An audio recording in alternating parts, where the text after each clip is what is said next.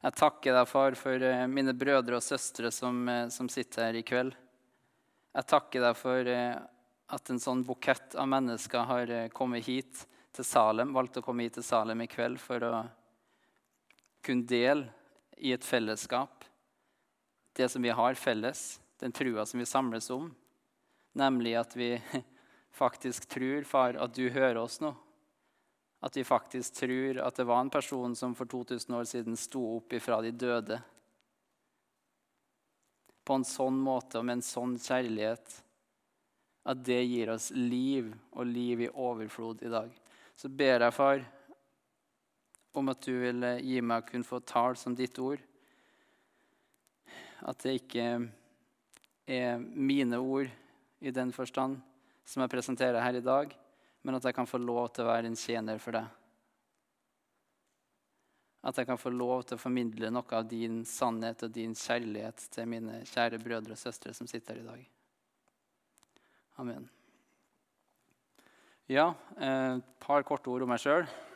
Jeg må for så vidt ha med Kjenner, kjenner jeg meg sjøl rett, så kommer jeg til å bli god og varm og svett etter hvert. oppi her, Så dere kan være glad dere sitter der nede. Neida. Um, jeg er doktorgradsstipendiat til vanlig på UiS. Jeg skriver ja, det er inne matematikk, jeg med fysikk, kosmologi. Så de, ja, hvordan universet ser ut på stor skala. Vi drømmer i hvert fall litt om det og regner litt på det. og så er det ikke sikkert at det er akkurat sånn som vi tror, men det er i hvert fall det, det jeg holder med til vanlig. Og så har jeg vært her i to år, så forsvinner jeg nå i slutten av september eh, til England og så gifter jeg meg eh, i desember. Og hun som jeg gifter meg med, Beate, dere, det er kanskje noen som kjenner hun, hun bor i Trondheim. Så da er det nok sånn at jeg må til Trondheim etter jul. Og, så da er det ikke sikkert at dere ser meg så veldig mye mer her i Stavanger med det første. Vi får, vi får se. Men hun kommer jo herfra, da, så kan jo være jeg blir lokka tilbake sånn på sikt. Det, det, vet man jo aldri. Um, ja, så i, På et par foregående møter så vidt jeg har forstått, så har det vært snakk om Romerne 12,2, hvor det står 'ikke bli eh, konform'. ikke bli Eller ja, her har vi oversettelsen. Den står der òg. Fantastisk. Innrett dere ikke etter den nåværende verden. Altså ikke bli samkjørt med den nåværende verden. Ikke bli sånn som den. Ikke bli likedanna med den. Men la, la dere forvandle ved at sinnet fornyes. La dere forvandle, la dere transformere. Så ikke vær konform med verden, men bli transformert fra verden. Jeg sier de to ordene bare for at dere skal se den, den koblinga som gjøres på grunnteksten der. Vi skal ikke bli samkjørt med verden. Vi skal ikke ta samme form som verden men vi skal bli transformert til noe annet enn det vi ser i verden i dag. Det, står, det, det ordet som brukes, er metamorfose. Hvis man sier det på norsk, i hvert fall oversette det til, transkribere til norsk. Metamorfose. Altså, du skal gjøres til noe annet. Du skal ikke ta den formen som verden har, men du skal forvandles til en annen form. Og dere har sikkert sett sånne larver som blir til sommerfugler. Det er ikke det man kaller for metamorfose i biologien. Eh, en larve som ser ut som et lite krek, og så blir det en vakker sommerfugl som, som flyr bort. Om den koblinga fantes i språket den gangen, det skal ikke jeg påstå, men, men det er i hvert fall det, det er en forvandling eh, som skal skje. Bli, eh, skal vi se, Jeg kom ikke gjennom hele verset engang. Eh, bli forvandla ved at sinnet fornyes, så dere kan dømme om hva som er Guds vilje det gode og det som heter glede for Gud, det fullkomne.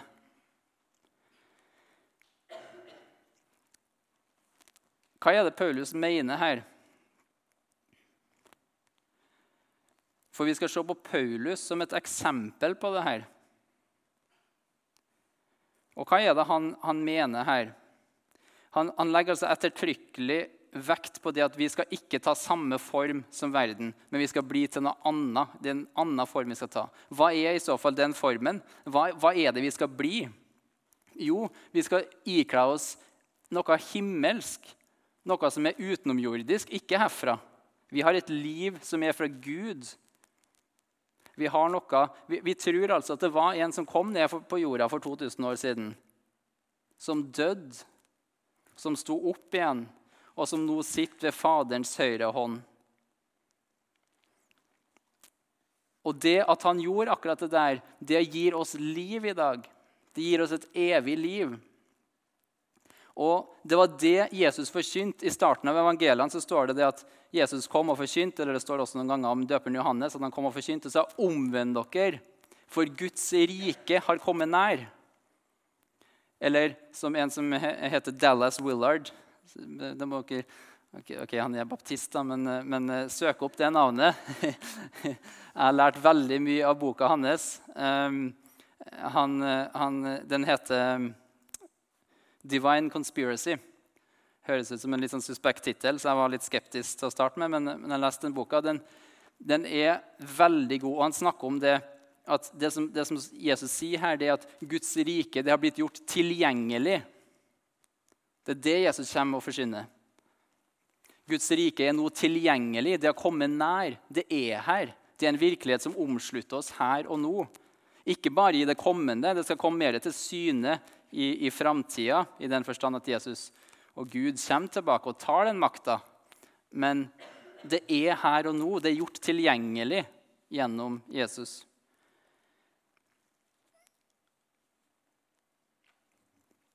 Og det er det Paulus sier når han skriver til menigheten i Kolosseum.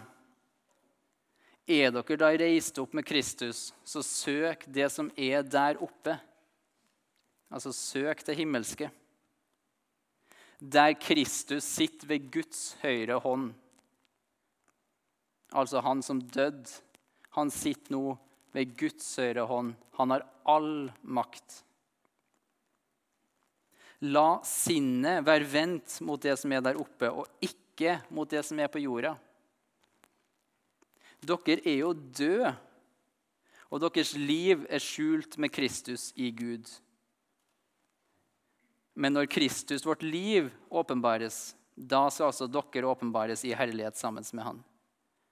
Han, han innstendig oppmuntrer oss til å altså den, den, virkeligheten som er rundt oss her nå, den, den er så Hva skal vi si? Um, den presser sånn på. Den, virker så ekte, så virkelig. Og det er den jo. Det er her vi bor og er og, og lever og, og rører oss. Men det fins noe som er mer virkelig, en større virkelighet, en større sannhet. Og ikke glem det, sier Paulus. Lev i det. Lev i det. Ikke bare som et fremtidshåp, Alt er forankra i det fremtidshåpet vi har. Men ikke bare som et fremtidshåp, men som noe vi har her og nå. Et liv som de som ikke kjenner Kristus, ikke har her og nå. De er utafor. Vi er innafor på den måten. Og så kan vi leve det livet, og ved å leve det livet så stråler vi ut til dem som er utafor, sånn at de òg kan bli innafor, bli en del og få del i det her evige livet som vi kan leve i Guds rike her og nå. Sånn som Paulus også sier til menigheten i Filippi. Men vi har vår borgerrett i himmelen. Altså vi har vårt statsborgerskap i himmelen. Og derfra venter vi Herren Jesus Kristus som frelser, altså som redningsmann. Så det her, den virkeligheten av Guds rike som har kommet nær, den er det Paulus snakker om her. Og han møtte den virkeligheten veldig bang på vei til Damaskus når han plutselig så et, et, et lys og falt til jorda og hørte en stemme som sa 'Saul, Saul' Eller 'Saulus, Saulus', står det kanskje på norsk. 'Hvorfor forfølger du meg?' Og hører dere den kjærligheten i de ordene? 'Hvorfor gjør du det?' Altså, 'Jeg har noe bedre for deg. Hvorfor gjør du det?' Ser ikke du den kjærligheten med hvilken jeg har dødd for deg, Paulus? Sier Jesus i de ordene, sånn som jeg leste.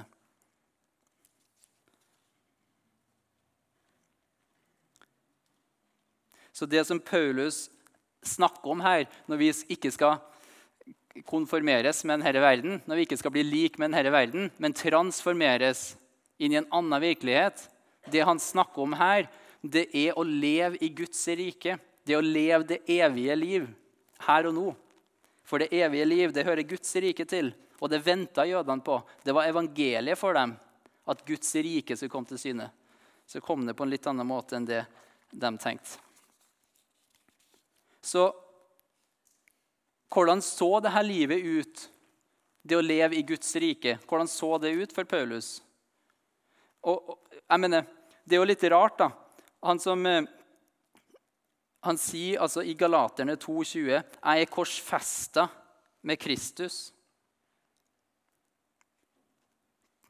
Tenk så grusomt.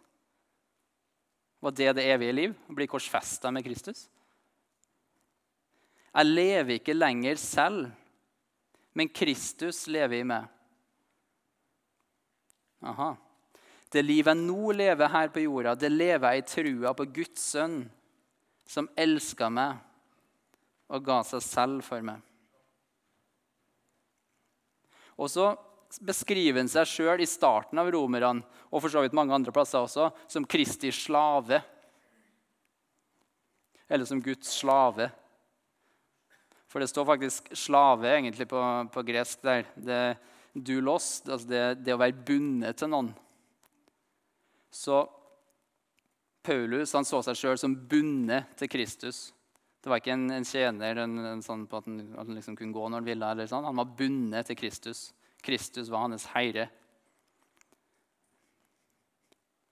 Så Høyre var altså det evige liv for Paulus. Høyre var det å leve i Guds rike. Det å bli transformert bort ifra livet sitt, få, få det transformert bort ifra den nåværende verden og inn i Guds rike. Det å være korsfesta med Kristus. Og det var det å være en slave. Eller her er jo toppen av kaka. da, En skulle jo tro mannen var gal. I andre kor 2, 14-15, så står det Men Gud være takk, som i Kristus alltid fører oss med i sitt seierstog, eller triumftog, og gjennom oss sprer kunnskapen om ham som en duft på ethvert sted. For vi er som en Kristi vellukt for Gud blant dem som blir frelst, og blant dem som går fortapt. For dem som går fortapt, en duft av død til død, og for dem som blir frelst, en duft av liv til liv. Så han sier altså det at Kristus lede oss i triumftog. Og så takke en Gud for det. Og så er det ikke sikkert at det er opplagt for dere hvordan det var så fælt, for det høres jo bra ut med triumftog eller et seierstog. Men et, bilde her er faktisk det at altså sånne seierstog det var noe som eh, det var, vel, altså det var et kjent begrep i, i Romerriket den gangen. Eh, når keiseren eller egentlig var det, ja, eller når keiseren hadde vunnet i krig, så eh, kom han tilbake til Rom med en masse fanger fra der han hadde vunnet. F.eks. Eh, Titus vant i, eh, over, eller inntok Jerusalem. og Så reiste en sånn eh, bue som, eh, som vitner om det her, at, den, om det var keiser eller general. eller hva det var, skal ikke påstå, men denne Titus fra Rom, som har vunnet over jødene i Jerusalem i år 70. Og så reiste eh, keiser Domitian reist, reist en sånn Eh, en triumfbue, er det vel heter på norsk, eh, som står i Rom den dag i dag. Dere kan se den der, Hvor det er sånne inskripsjoner av eh, her, den seieren som, som altså Titus vant over jødefolket i år 70. Og det som de her Romerne da gjorde, var at de tok med seg masse slaver fra dem de hadde vunnet over, f.eks. jødene. Og så førte de dem foran seg i en sånn lang triumfmarsj inn i Rom by, eh, hvor det var ofring eh, av forskjellige dyr og røkelse opp til gudene for å liksom vise gudene se her, det her har vi vunnet, ikke i vår egen styrke og kraft, men vi gir det til dere, eh, guder. Og spesielt da til Jupiter, så vidt jeg forsto, som sikkert var en sånn hovedgud for dem den gangen. eller sikkert mange som kan mer enn meg om det der i salen her. Men, um, og så endte det hele med at her, mange av her slavene ble eh, henretta eh, på slutten av denne paraden. Og Det er bildet som Paulus her bruker.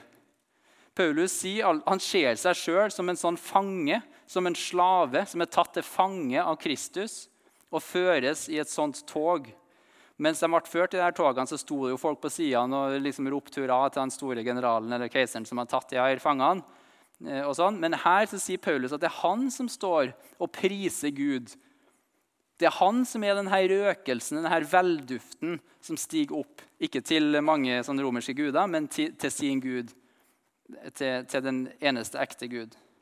Han ser på seg sjøl og sitt liv som den velduften som stiger opp til Gud. Og han ser på seg sjøl som en fange, tatt til fange av Kristus, og nå føres tilbake inn i Kristus sitt rom, altså inn i Guds rike. Ser dere Det Det er ikke lett for oss å på en måte vite om alt det her. Vi lever i en helt annen verden. Men sånn, det bildet som Paulus bruker, og som var tydelig for dem den gangen. Så det, altså det er altså det Paulus ser på som å leve det evige liv. Det å være en fange, det å være en slave og det å dø. Er det mye liv i det der, da?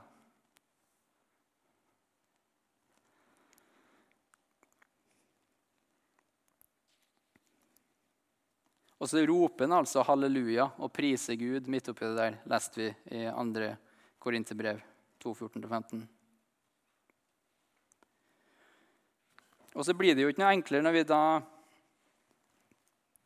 kan lese andre plasser at han fryder seg. At, at det, her, altså, det, det her er virkelig livet for Paulus. Han angrer ikke et sekund på det han har gjort. Han møtte Gud den gangen på vei til Damaskus og forsto at det her var en han ikke kunne stå seg imot. Det her var en han måtte legge seg under. Han erkjente den sannheten. Og så ble han transformert inn i et liv som gjør at han roper halleluja over å få være ført i et sånt triumftog og til slutt få dø for denne seierherren. Hva er det som har skjedd? Så skal vi ta en liten eh, detour. Um, Beate, eh, forloveden min, hun liker å klatre. Og hun var ute for en, eh, en nestenulykke her for et par dager siden. For når det, Jeg liker ikke å klatre, da, og det, en, det som jeg nå skal fortelle, er en av grunnene til at jeg absolutt ikke liker å klatre.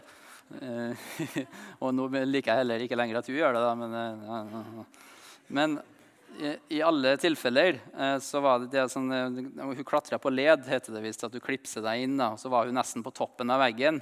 Så skulle hun klipse seg inn, og så mista hun fotfestet, eller et eller annet, og så falt på, med ryggen mot bakken. Og så hun, det har, jo, det har jo skjedd før, det er sikkert sånn som skjer for alle som klatrer. Så venta hun da på at det her tauet skulle stramme seg.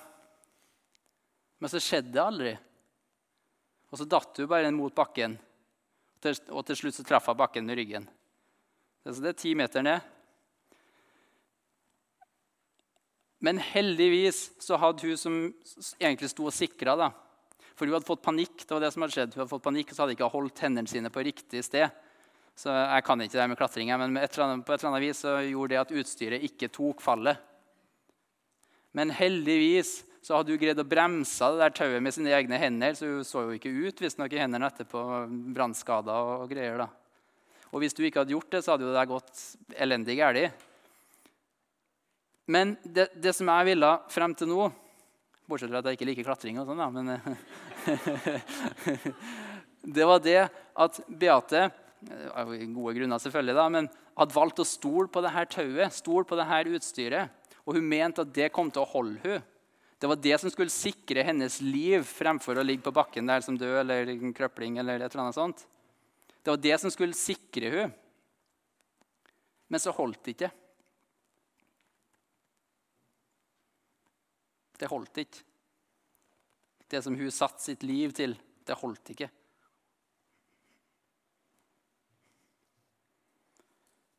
Så kan jo jeg Så glemmer vi klatring, og sånn igjen, men så kan jeg spørre i, i mitt liv Holder det tauet som sikrer meg fra døden? eller i ditt liv? Hva det nå enn er du setter din lit til. Kanskje jeg setter min lit til doktorgraden min, eller kanskje noen som setter sin lit til trening, frisk, leve. Jeg snakka her det var forrige fredag, så snakka jeg i mange timer med et par kollegaer på jobb. Det viste seg at, eh, at, de var interessert i å snakke om litt viktigere ting enn bare matematikk. Så vi ble sittende og snakke om Gud. Og så Han ene var veldig opptatt av sånn, eh, self-improvement. og liksom det å ja, gå inn i seg sjøl og, og, på en måte bruke seg sjøl som kilde til å, til å, utvikle seg og komme videre i livet. Og han mente at det var nøkkelen, og noe som eh, ja, Nøkkelen lå i seg sjøl, og det å på en måte erkjenne sannhet gjennom seg sjøl og komme videre.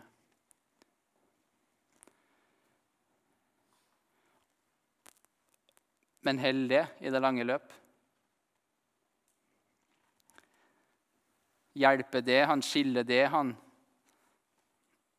fra døden og hellen til livet? Greier vi det i oss sjøl?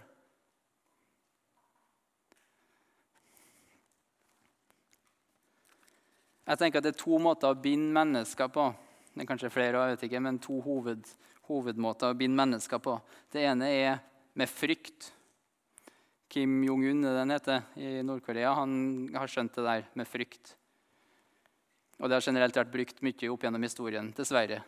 Det er et misbruk av menneskelige egenskaper. Du bruker frykt til å binde noen. Og du kan få utretta veldig mye med frykt. Hvis folk er redd, så tør ikke de å gå imot. Så frykt det kan du virkelig få bundet folk med. Og De romerske keiserne her som førte slavene sine i triumftog, ikke sant? de bandt folk med frykt. Hvis dere ikke gjør sånn som jeg sier, så blir dere henretta på stedet eller piska. eller så måtte de være lydige. Den andre måten er den måten som vi alle sammen er bundet av, og som vi alle sammen er designa som mennesker til å være bundet av. Nemlig ved kjærlighet, med å bli elska så stort det er. Så fantastisk stort Gud har tenkt at ting skal være for oss mennesker, skapt i Guds bilde. Vi er ment å skulle være bundet av et hjerte, en drivkraft, som driver oss til noe godt. Så kjærlighet er noe som også binder mennesker på en mye bedre måte man kan være bundet av frykt, eller man kan være bundet av kjærlighet. Men det er én ting du aldri kan binde med frykt. Det er én ting du aldri kan få tak i med å skremme noen eller komme trusler. Det er et menneske sitt hjerte. Det får du bare ikke tak i med å skremme det mennesket eller tro det mennesket. Du kan få det mennesket til å være helt lydig mot det, men du får ikke hjertet til det mennesket. Det mennesket begynner ikke å elske deg før du elsker det mennesket. Og vi folkens, vi begynner ikke å elske folk som ikke har hørt om, om Jesus, om våre store frelser, han som har elska oss. Vi begynner ikke å elske dem før vi sjøl har blitt elska av Gud. Og den kjærligheten som da fyller oss, den flyter utover til andre. Med sannhet, der vi tør å si ting. For det er en trygg kjærlighet. Vi vet hva vi tror på, og så formidler vi det i kjærlighet til dem som er utafor.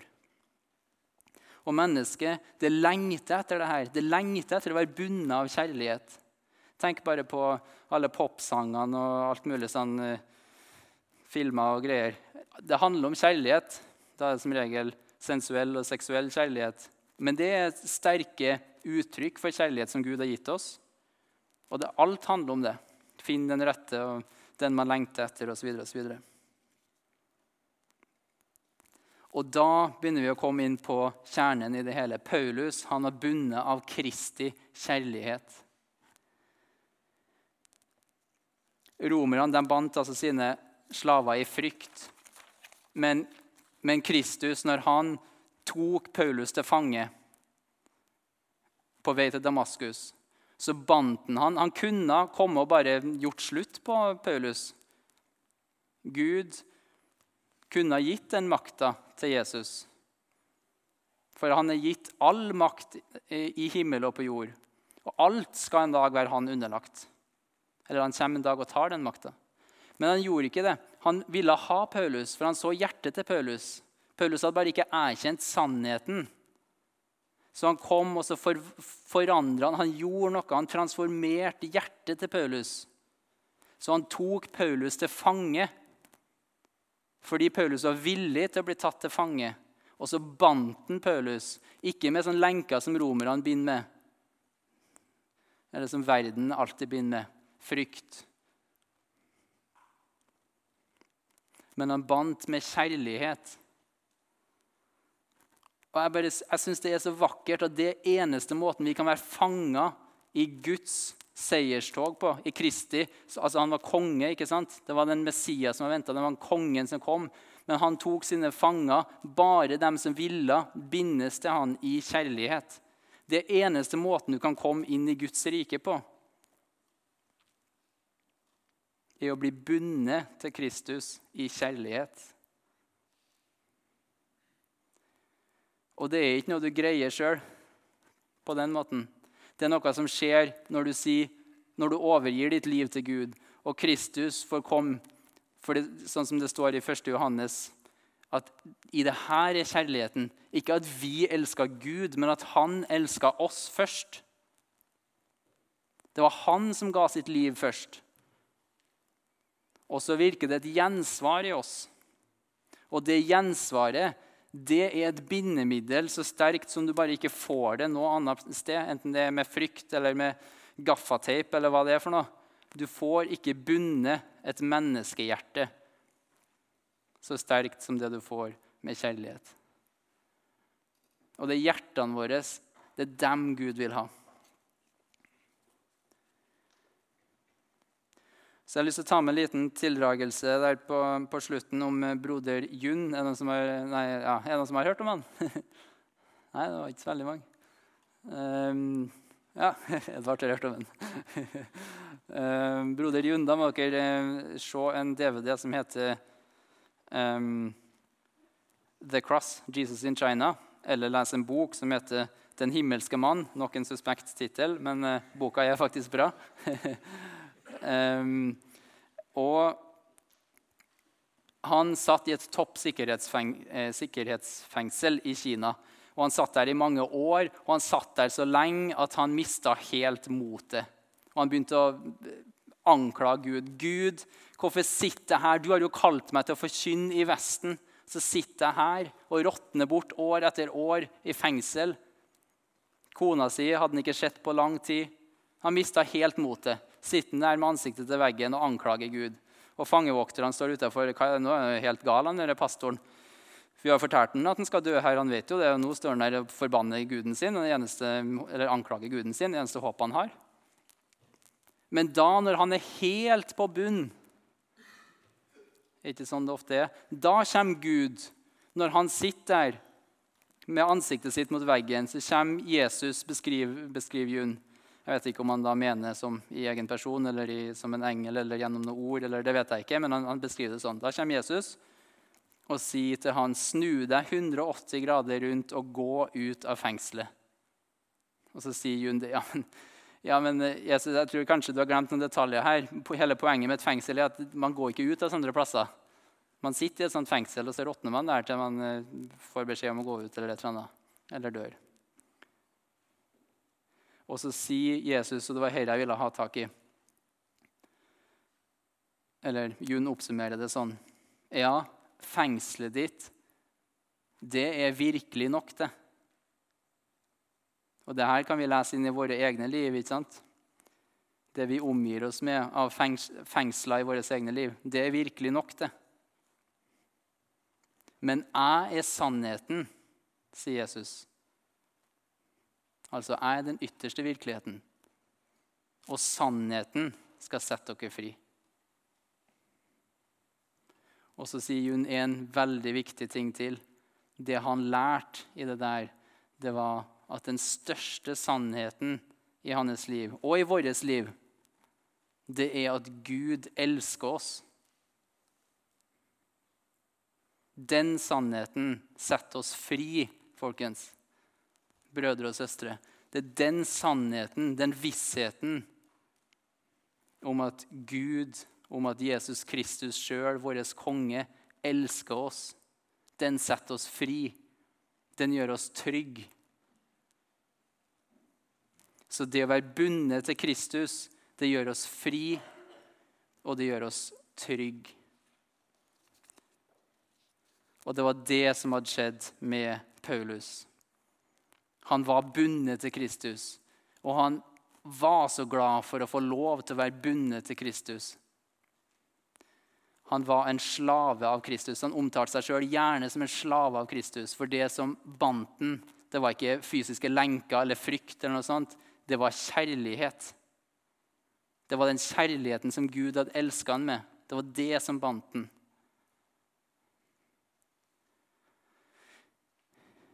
Vi har så lett for å frykte. Menneskefrykt, kanskje. Eller frykt for framtida. Men det er kjærlighet Gud har elska oss med. Og det er det både som skal binde oss sammen. Og La oss huske på det, la oss tenke på det etterpå også. Kanskje vi ser noe nye. Eller ja Gud har elska oss. La oss Vårt liv de skulle være transformert til, til et himmelsk liv. Til et evig liv her og nå. La oss vise det til hverandre. La oss elske hverandre. På den måten kan vi sammen gå styrka ut og elske resten av verden også. Og vise dem noe av Guds kjærlighet. Og det er ofte at jeg har måttet bøye meg ned på mine knær og be Gud Gud, jeg ser hvor mye du har elska meg, og jeg elsker deg så lite tilbake. Hjelp meg, Gud. Vis meg mer av hvordan du har elska meg, sånn at jeg kan elske både mine brødre og mine søstre og dem rundt meg, og slutte å elske meg sjøl på alle mulige måter. Det er så lett å elske seg sjøl. For det tauet, det holder ikke. Han tar feil, han som jeg snakka med på jobb. Vi har ikke den styrken i oss sjøl. Og så sa han interessant nok det òg, han som jeg snakka med på jobb, at jeg skulle ha ønska at det var sant, det du trodde på Benaud. Jeg skulle ha ønska at det var sant. Og Sånn tror jeg det er mange som har det. Så la oss gå ut og møte dem med et liv som viser at vi tror at det er sant. Et liv som viser at vi tror at det er sant fordi vi har møtt Guds kjærlighet, hver enkelt på unike måter, og så gir vi det videre ut til verden. Det tror jeg var alt jeg rakk. Men den sannheten som fanger deg fri, det er altså at Gud elsker deg, sånn som Jun sa. Da kan vi med Paulus være trygt fanga til frihet. Fordi vi kjenner sannheten. Vi er trygt fanga til frihet som Kristi slaver. Jeg takker deg, far, for eh, at vi Ja, jeg takker deg for ditt velbehag mot meg. Du vet, far, all elendigheten som har vært i mitt liv. Jeg takker deg for din nåde og ditt velbehag på tross av alt det. Du vet det, far. Det er ikke så mange her som vet så mye. Men du vet at jeg hadde ikke stått her hvis det ikke hadde vært for deg. Og jeg ber om du vil Tilgi meg og tilgi oss, vår vantro, og hjelp oss sånn at vi ser din kjærlighet, den som du har elska oss med når du døde for oss. Og når du kontinuerlig går i forbønn for oss i dag. At vi ser den kjærligheten klarere og klarere hver enkelt i vårt liv. Og så takker jeg deg for din nåde, at du viser oss det her, at du tar oss til fanger. At du hjelper oss videre på den veien. Så smått og så sakte som det kan gå med noen av oss. Takk, far, for mine brødre og søstre som sitter her i dag.